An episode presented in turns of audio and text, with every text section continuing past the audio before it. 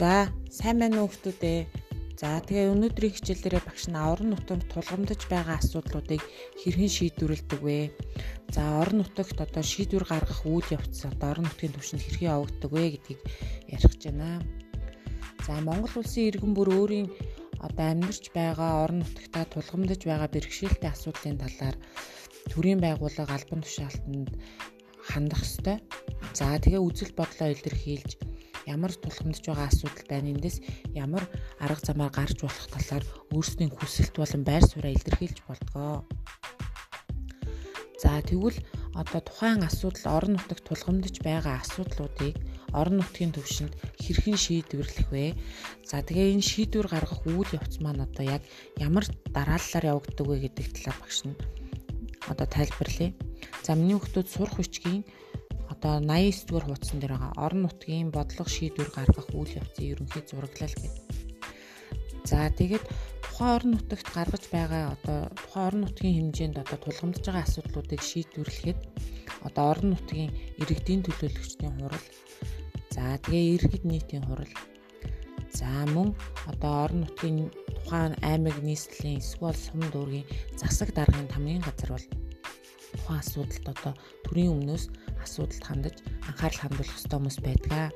За тэгээ орон нутгийн шийдвэрүүд нь тухайн одоо орон нутагта тохирсон тэгээ асуудлыг шийдсэн шийдвэрүүд нь Монгол улсын үндсэн хууль болон бусад хууль тогтоомж дүрм журамтай нийцсэн ямар нэгэн байдлаар харшлахгүй одоо зөрчилдсөн тийм шийдвэр байж болохгүй. Тэгээд хууль тогтоомж дүрм журамтай нийцсэж байгаа тохиолдолд тухайн орон нутгийн иргэдийн одоо санал хүсэл байр суурийг тусгаад орон нутагта тулгамдж байгаа асуудлуудыг шийдвэрлэх тогтоол, журам, дүрм бол гаргаж болдог бахнэ. За орон нутгийн төвшөнд гаргаж байгаа одоо шийдвэрүүдийг орон нутгийн удирдлагын гаргаж байгаа шийдвэрүүдийг тушаал, тогтоол, дүрм, журам, шийдвэр гэж бол ангилдаг бахна. За тэгэд хэрвээ одоо аймаг нийслэлийн төвшөнд байх юм бол иргэдийн төлөөлөгчдийн хурал За сум дүүргийн түвшинд байх юм бол иргэдийн төлөөлөгчдийн хурал, баг хороонд бол иргэд нийтийн хурал гэж сонгогддог тийм.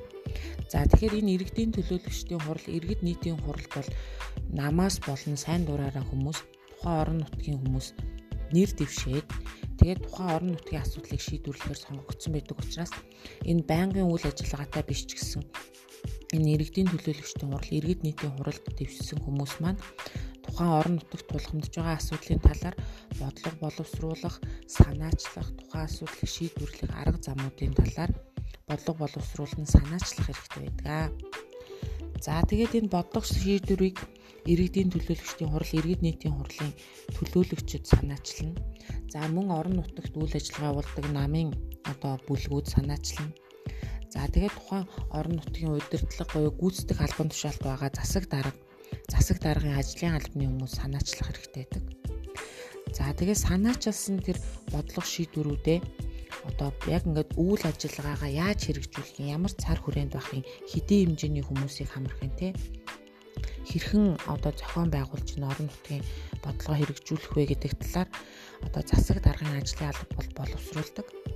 За тэгээ боловсруулсан одоо бодлого шийдвэрээ нөгөө ажлын алба маань засаг даргын тухайн орон нутгийн тамгын газар те засаг даргын ажлын алба маань иргэдийн төлөөлөгчдийн хурал иргэд нийтийн хуралдаа хилцүүлээд за тэгээд мөн одоо тухайн орон нутгийн ард иргэдээс хилцүүлэгээр одоо санал аваад орон нутагта батлан гаргадаг.